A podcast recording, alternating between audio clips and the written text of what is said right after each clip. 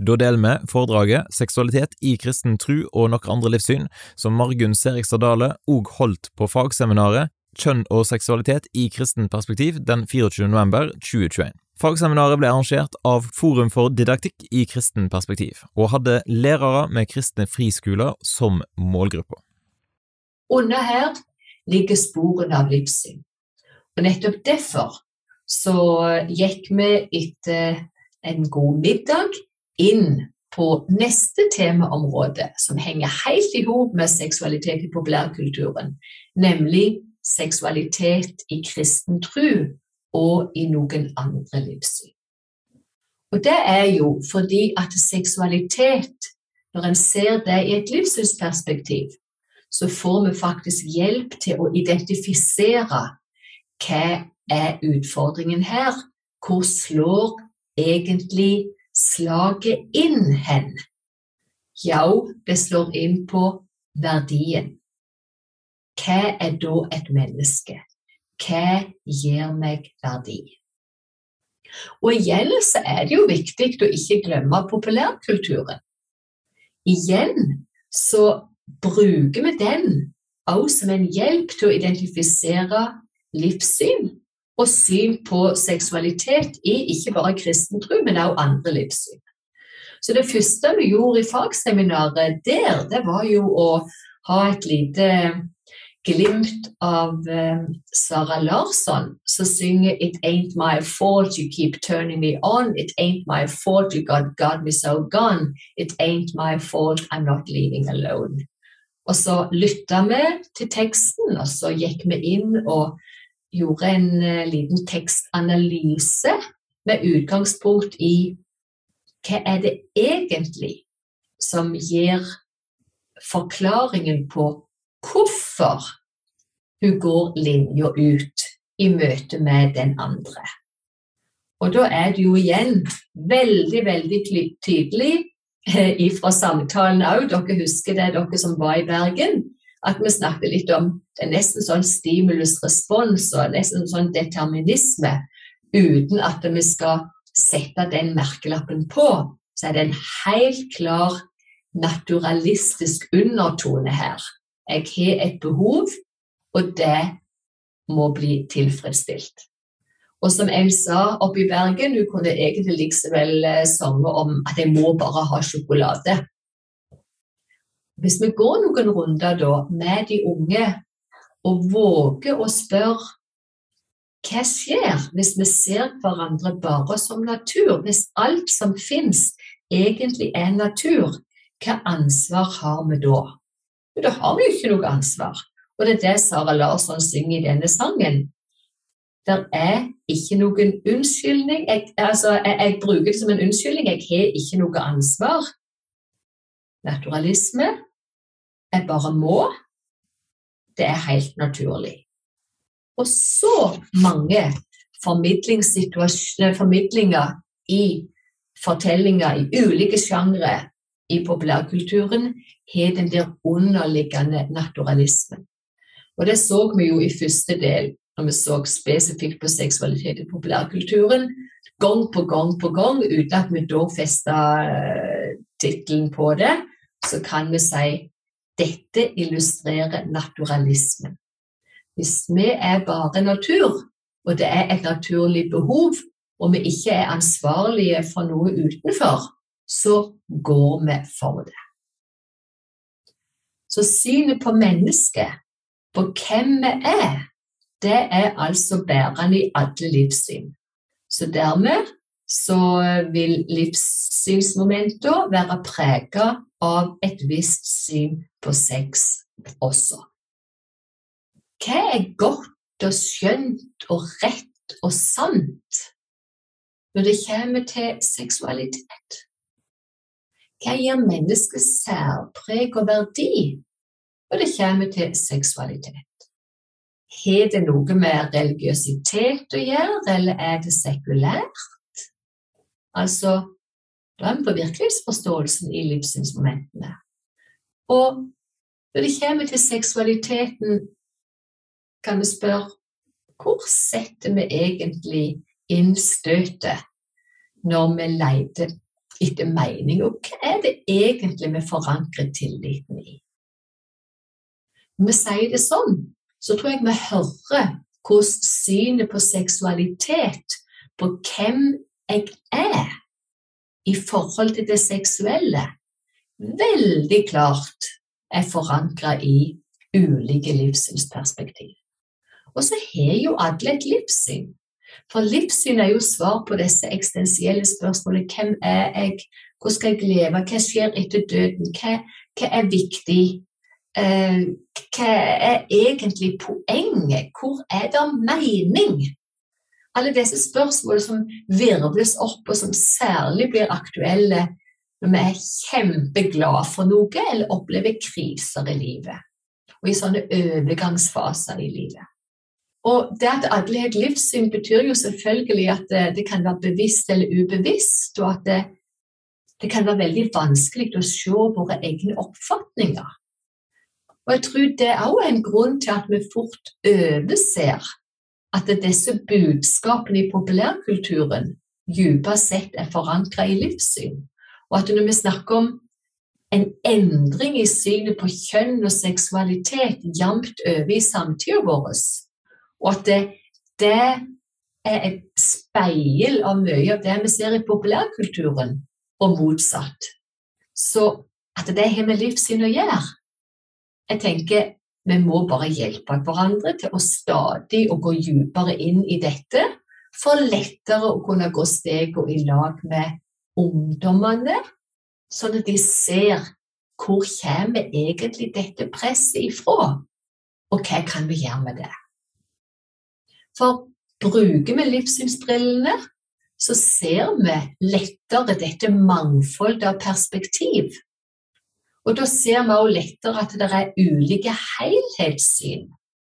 Og da ser vi lettere at det er ikke snakk om selvfølgeligheter. Så når jeg tillot meg å sette merkelappen naturalisme på denne sangteksten av Sara Larsson, så er jeg ikke dermed at hun som artist eller som person vil si jeg har et naturalistisk livssyn. Men det vi ser i teksten, er å behandle seg sjøl og sine seksuelle behov ut ifra at det, det er bare naturlig, bare må ha det. Og Hvis vi da i lag med våre elever går inn i dette og spør hvor leder det hen hvis vi bare er natur, så får vi ikke bare interessante tanker og refleksjoner og samtaler, men vi får en utfordring i forhold til Wow, er det egentlig sånn vi vil leve? Så med livssyn som perspektiv så kan vi sammenligne og vi kan stille spørsmål. Og da bedriver vi bevisst kritisk tenkning og vurdering i lag med våre elever. Og det er klart at det, eh, vi lever jo etter den seksuelle revolusjonen. Nå skal jo den adresseres i morgen av Alexis, og vi skal se på hvordan den går inn både i kultur og i teknologi, og hvordan den berører så utrolig mange områder i livet. Men her, når vi nå snart går inn for landing, så tenker jeg det er kjempeviktig å se at den seksuelle revolusjonen, den har gitt en livssynsmessig utvikling, eller for å si det mer presist, den har kommet som et resultat av en livssynsmessig utvikling. Fordi vi har gitt ifra i vestlig sammenheng en kristen teisme, altså tro på Gud, den ene Gud, som en felles kulturell arv. Sant? der rammer og mening for livet var gitt av skaperen. Og det var noe som folk flest bare hadde som ramme for sitt liv og sin forståelse også av seg sjøl. Så den utviklingen gir ganske dramatisk ifra den der felles kulturelle arven med en kristentisme til naturalisme og individualisme. Der dette med å følge lystene, som vi har vært inne på, dette med at det, det er ikke noe dypere mening Jeg er overlatt til meg sjøl. Bare når vi setter ord på det her, så hører vi det dramatiske, og hvordan dette rører opp i de dype lengslene og denne smerten og dette presset som jeg refererte til tidligere. Og I forhold til kjønn og identitet så ser en at det nå er knytta så ekstremt tett i hop. Og seksualiteten er selvfølgelig nummer tre i det som blir en trikant. Kjønn, seksualitet, identitet nøye knytta i hop. I ei tid prega av naturalisme og individualisme. Fordi kjønn har jeg fra å være primært noe biologisk til å bli en definisjon av selve, altså en selvdefinisjon. Jeg definerer mitt kjønn. Og sex er jeg fra å høre med i ekteskapet til noe som jeg utforsker sjøl. Og identiteten er ifra å være noe som var gitt det er en kjerne her inne, og jeg er blitt gitt en verdi, gitt en identitet, til noe selvdefinerende og flytende. Altså individualismen. Fikk du med deg dette? Kjønn fra biologi til en selvdefinisjon. Sex ifra høre til ekteskapet til utforske selv. Og identitet og gitt til selvdefinerende og flytende. Og bygger du syns at jeg leker med ord, punktum. Nei, dette er virkelig med å illustrere hvordan kjønn, sex og identitet er knytta i hop, og det er individualismen som berører.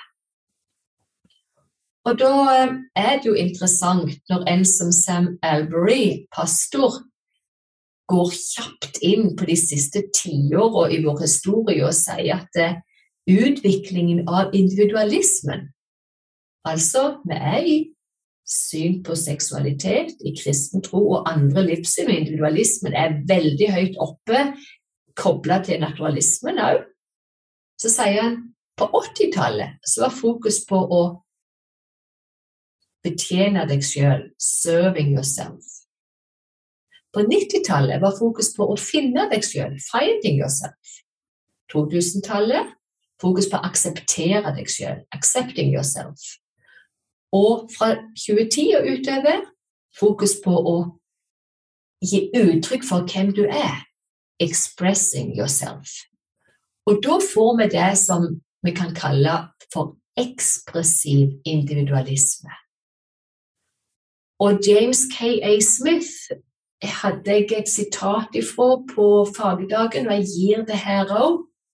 Og du får bare lytte nøye her. That each one of us has his her own way of, re of realizing our humanity. Altså, hver enkelt av oss har vår egen måte å leve ut vår humanitet på. Videre We are called to live that out, express it, rather than conform to modes imposed by others, especially institutions. Charles Taylor sier dette, og eh, jeg kaller det også fra James Smith. Hver enkelt av oss har altså sin egen måte å realisere det menneskelige på. Og vi har rett og slett et kall til å leve det ut, formidle det, heller enn å bare bli forma av det andre måtte mene om oss, særlig hva institusjoner måtte mene. Og da finner jeg jo egentlig meg sjøl ved å gå inn i meg sjøl. Og du og jeg gjør vel i å spørre hvor er da forankringen for individets verdi? hvis jeg finner meg selv ved å gå inn i meg selv, ok, hvor er da forankringen av verdien min? Og for det andre, jeg må stå imot konformitetspress fra omgivelsene, særlig hvis det kommer fra tradisjon og religion. Og da hører vi med en gang at det andres rolle, eller samfunnets rolle, eller fellesskapets rolle i forhold til identiteten vår, eller vår opplevelse av identitet, det er bare negativt. Det er bare negativt. Du er egentlig totalt overlatt til deg sjøl. Det framstilles som positivt, men vi har sett mange uttrykk bare i det vi har gjort i denne sammenhengen her. Uttrykk for smerten og presset og frustrasjonen som dette medfører.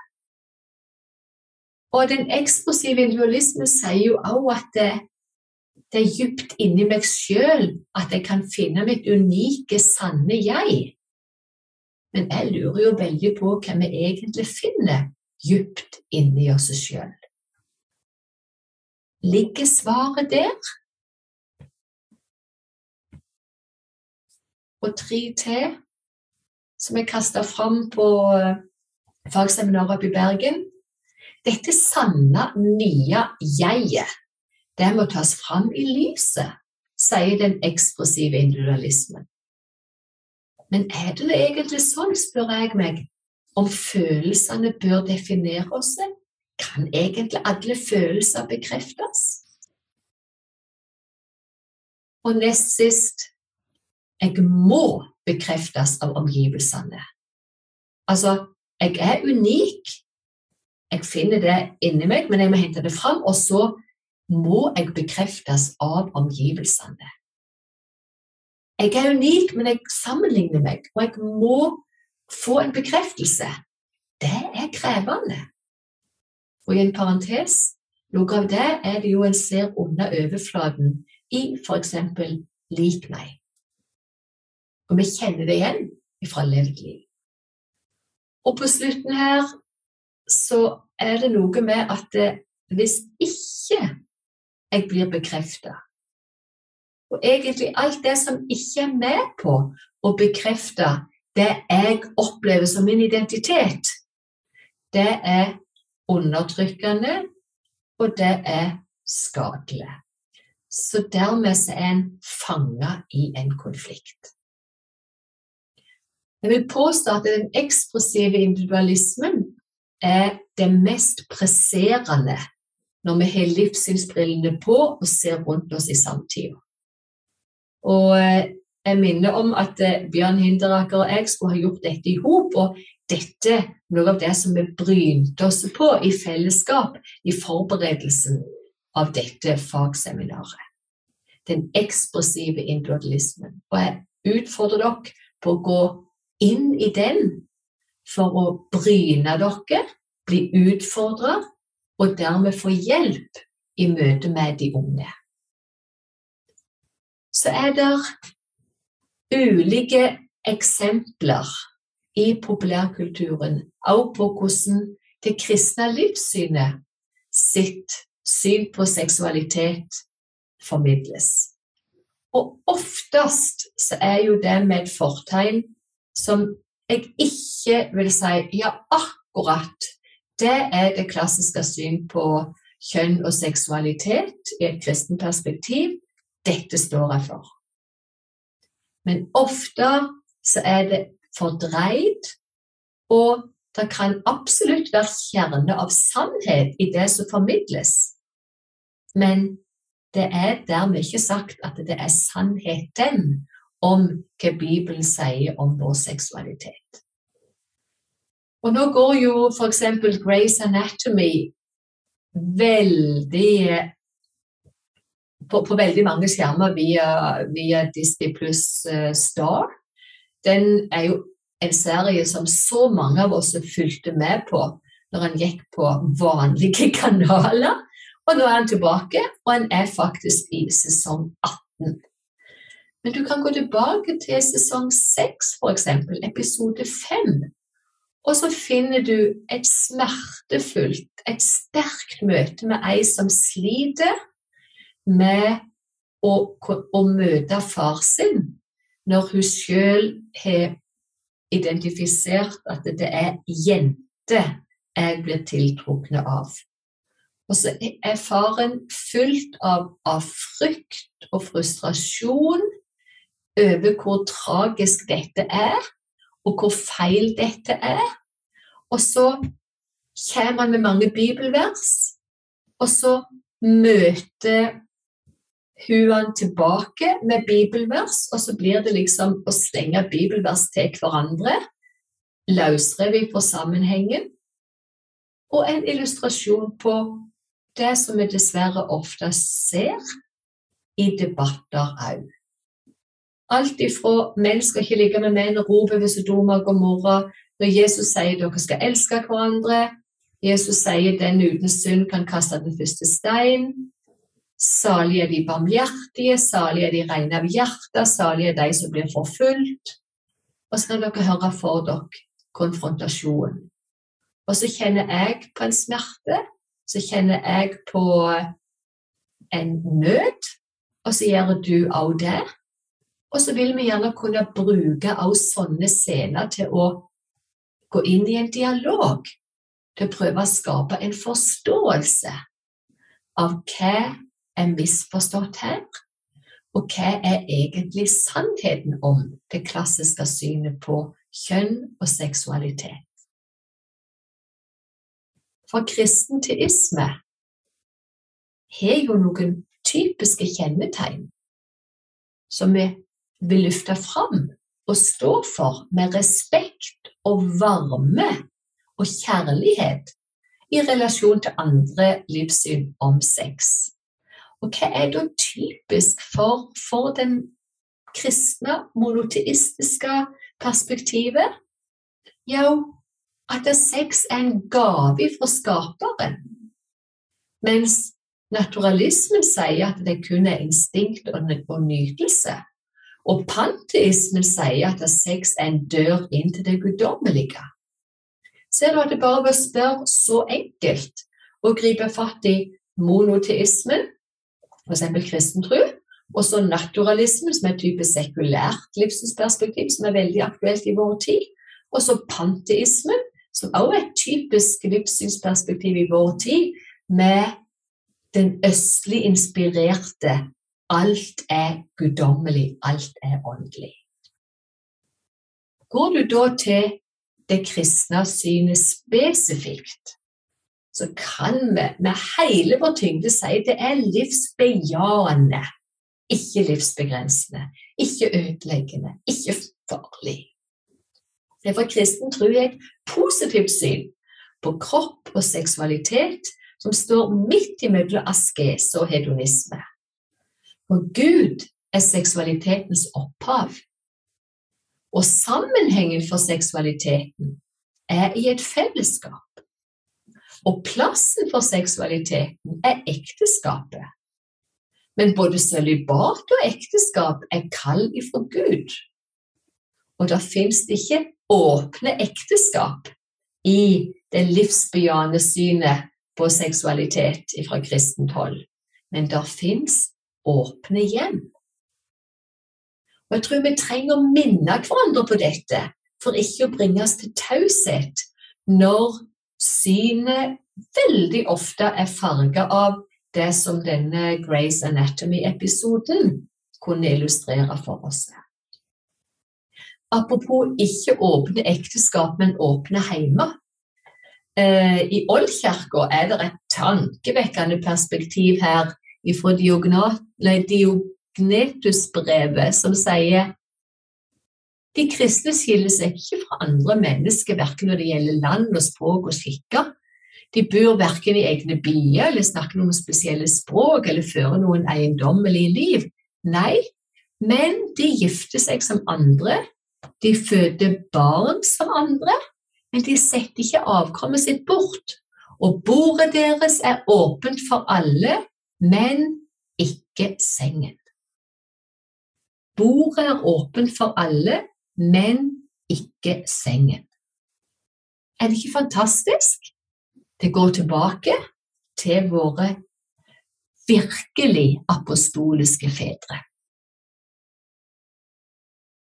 Som er hjelp til å navigere her, så er altså livssyn som nøkkel, det som åpner opp. Og så kunne vi f.eks. kikket litt på jødedom og kristendom og islam som tre teistiske, monoteistiske religioner. Og det vil være veldig bra inn vårt kompetansemål i skolen. Da sier vi at Den jødiske teismen sier jo at det første bud er forplantning. Blir en sjel, og det er et bilde på Gud og Israel. Så kan en utdype det, som jeg gjorde på fagseminaret, òg å dele ut en oversikt. Og så med mulighet til å gjøre oppgaver i grupper eller individuelt. Nå blir det bare referert til veldig enkelt her i podkasten, og så går du til PDF-en eller til opplegg ellers som ligger i lag med PDF-en på damareskole.no under fag 2. Men jødisk teisme, altså første bud for planting, og så blir en én sjel, det vektlegges, og at det er da igjen et bilde på Gud og Israel. Mens i den kristne teismen, som da har bakgrunn i den jødiske, så er det rett og slett en pakt, denne, dette ekteskapet. Ikke sant? Eh, det er mann-kvinne som er livsvarig relasjon imellom.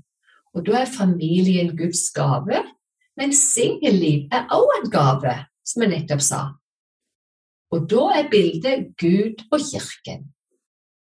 Hvis vi da går til islamsk teisme, så er det lovtradisjoner, og en ser eh, ekteskapet som en kontrakt det er sterkt anbefalt, og en kan ha opptil fire koner.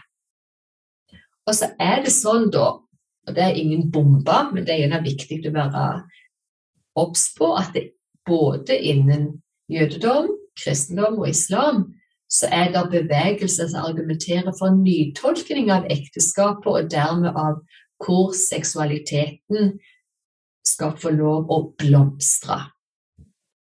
Men eh, jødedommen tar uansett utgangspunkt i at ekteskapet er den eneste tillatte rammen for seksualiteten. Og Det moderne samfunnet har satt nye rammer, men, eh, og med en seksualdrift som er veldig sterk, så kan det derfor være veldig krevende å forholde seg til de nye rammene. Og ikke minst så sier Eliana Heres fra Det mosaiske trossamfunn i en video som jeg refererte til på fagdagen, eller på fagseminaret, at eh, det er ødeleggende om seksualdriften får fritt utløp ut forbi de oppsatte rammene. Det er ødeleggende, men det er krevende i en tid der det settes nye rammer. Islam, med den sunnimuslimske organisasjonen Islamic Cultural Center, er veldig tydelig på at sex hører til innen ekteskapets ramme med en person en elsker. Og Der hadde jeg også et sitat. Det intime forhold mellom en mann og en kvinne er noe islam anser som vakkert og hellig. På denne måten blir det intime noe mer enn det rent fysiske, blir det forklart i videoen fra eh, en som heter Aslan Fakorid. Og Hvis vi da går til sekulærhumanismen, der jeg også refererer til noen videoer og hadde det med i utdelt notat til deltakerne på fagseminaret, så sier Arnfinn Pettersen i Human-Etisk Forbund noe som er verdt å lytte til. Han sier det er moralsk problematisk å bruke andre mennesker kun til egen nytelse. Så når en engasjerer seg i seksuelle aktiviteter, så har en også et ansvar. Og buddhisme der er det en fra eh, Buddhist Association in Norway som er veldig klare på at mens buddhismen ikke tillater at munker og nonner og de som avlagt løfter om sølibat til sex, så er det ulike kulturelle normer som er vel så viktige i det å gi retning for buddhistiske lekfolk sitt sexliv. Og ei sånn norm i India tilsier at unge bør vente med å ha sex til de gifter seg. Så dere ser, det er ikke et vakuum her, men uh, disse zoomer likevel inn hva er det tradisjonelle synet. Og det gjør at det er fint for våre elever å bruke dette til å få et større nærhet til hva syn er der egentlig på seksualitet og kjønn, og dermed også på ekteskap i sentrale livssynsperspektiv.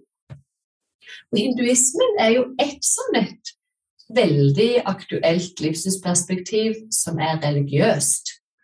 Der eh, en fra Ananda Madga mener at det er viktig å se på partneren sin og også seg selv som en åndelig skapning. Så selv om sex er en naturlig del av livet, så bør en ikke fråtse i seksuelle relasjoner. Og jeg hadde også en kjapp til Hare Krishna, som mange kjenner, som absolutt er aktuell.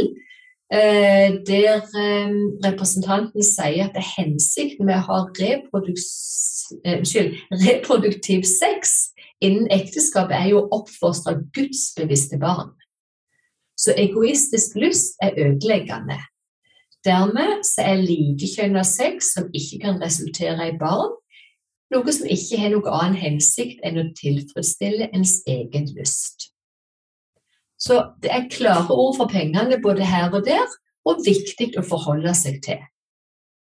Og Går en da inn i hinduismen et stykke til, så hører vi at det å gifte seg og få barn er en plikt i hinduismen. Men samtidig så er sex en glede, og det har lenge vært avanserte tanker rundt dette i hinduismen. Men uansett, det er en plikt å gifte seg og få barn, sier Sanutan Mandir Sapar ved hindutempelet på Slemmestad. Med et sånt knippe av utsagn så er det jo veldig relevant å spørre hva er sentrale likheter og forskjeller mellom kristen tro og disse andre livssynene når det gjelder synet på sex. Og det er det mange muligheter til ut ifra eh, det notatet som jeg delte ut på fagseminaret, og som altså ligger på damareskole.no under fagtroportalen. Og jeg utfordrer deg, hvis du kjenner at det yes, dette er viktig, fordi det er noen kompetansemål der. Men aller mest, dette er viktig for det utfordrer meg på mer kunnskap, så jeg kan være klokere i møte med perspektivene som svirrer rundt, og det gir meg hjelp til å forklare og forstå mer av det som foregår i vår samtid, i det mangfoldet av perspektiv av livssyn som vi har. Og egentlig så kan bare den kritiske tenkningen og vurderingen av ulike syn på sex skje med integritet og respekt ut ifra det kristne livssynet hvis en går nær inn på klingen i hva de andre perspektivene faktisk sier. For vi skal stå der med respekten, vi skal stå der med integriteten, og med dette som ei ramme rundt, med kunnskap, så skapes det forståelse og så møter vi den andre med varme og med respekt. Med kjærlighet.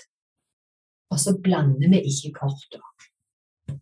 Og egentlig så tror jeg vi kan si at det, det er en prosess i fire trinn her, når vi utfordres på det klassiske synet på kjønn og seksualitet. Det å formidle det med kjærlighet og respekt i ei tid som denne. Og det første er jo å være forankra i Bibelens syn på seksualiteten. Så la oss hjelpe hverandre til ei dypere forankring, og det skal vi jo få hjelp til Eller vi fikk hjelp, vi som var på fagseminaret, dagen etterpå. Og du kan få hjelp her og nå ved å klikke deg inn på den podkasten og lytte deg klokere hvis du kjenner at det har du behov for. Så å være forankra i Bibelens syn på seksualiteten, utrolig vesentlig og helt logisk at det er der en må starte. For det andre, det er å lytte i respekt og med empati til de tekstene som vi sjøl og elevene møter både i fagene og i populærkulturen. For det er jo tekster. Av de levende bildene, det som blir sagt, opp, det er jo tekster. Så lytt med respekt og empati, sier jeg til meg sjøl, og jeg sier det til deg. For det tredje, når vi er forankra og har lytta respektfullt og med empati til de ulike budskapene både i fag og populærkultur, det er først da vi kan sammenligne med kristen tro og finne likheter og forskjeller. Og det har med respekten å gjøre. Identifisere likheter og forskjeller mellom det kristne perspektivet og de vi ser i tekstene ellers. Og når det er gjort, er tida inne til å ha en kritisk vurdering, bevisst kritisk, ut ifra kristen tro. Da ikke bare finner vi likheter og forskjeller, men da bekrefter vi hva som er sant og godt og rett, og sier hvorfor det er det. Og vi utfordrer det som i første omgang kan virke så forlokkende og fritt og sannhetsbekreftende for de unge og for voksne med, men som faktisk er ødeleggende. Da våger vi å utfordre det. Og da ser vi at det er ikke sånn at friheten gjør oss sanne. Hvis friheten fylles med det innholdet som samtida gir, at du sjøl bestemmer alt, og alt er likegyldig. Nei, da blir det likegyldig, og det setter ikke fri, men det setter faktisk i fangenskap. Vi ønsker disse fire stegene for å gjøre det vi er satt til, nemlig å møte den unge med omsorg og kjærlighet. Så er ikke dette et fagseminar med et hovedfokus på hvordan gå stegene i lag med? Hva skal vi si når, hvordan gjøre det, men det er å tegne rammen rundt og være med og gi hverandre mer kunnskap, så vi kan være klokere, visere i møte med den enkelte ungdom.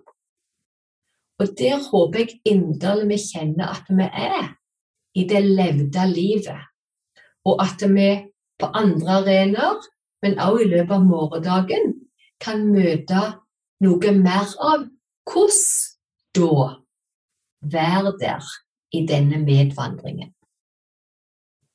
Og når morgendagens tema på eh, seminaret, dvs. Si dagen etter jeg hadde det som jeg nå har delt litt med i podkasten, så var tematikken bl.a. den seksuelle revolusjonen og et revolusjonært syn på sex. Eh, I den forstand at en kunne spole litt an på hva Stefan Gustafsson sier i boka si, som heter 'Nakne uten skam'. Og Den gikk unna som varmt kveitebrød på um, fagseminaret i Bergen. Og dere som lytter til podkasten nå, kan bare hive dere på tastaturet og bestille fra bokhandelen til Damares, damares.no, og få dere den. Og Der sier Stefan Gustavsson noe som vi bare skal få lov å ta med oss som avrunding på denne podkasten, som altså knytter an til det som ble formidla første dagen på fagseminaret oppe i Bergen. Som en kontrast til den seksuelle revolusjonen så ser vi i dag at det klassiske kristne synet på kjærlighet og seksualitet trekkes fram. Så altså det klassiske synet på kjærlighet og seksualitet det står i skarp kontrast til den seksuelle revolusjonen. Og så fortsetter Stefan Gustavsson.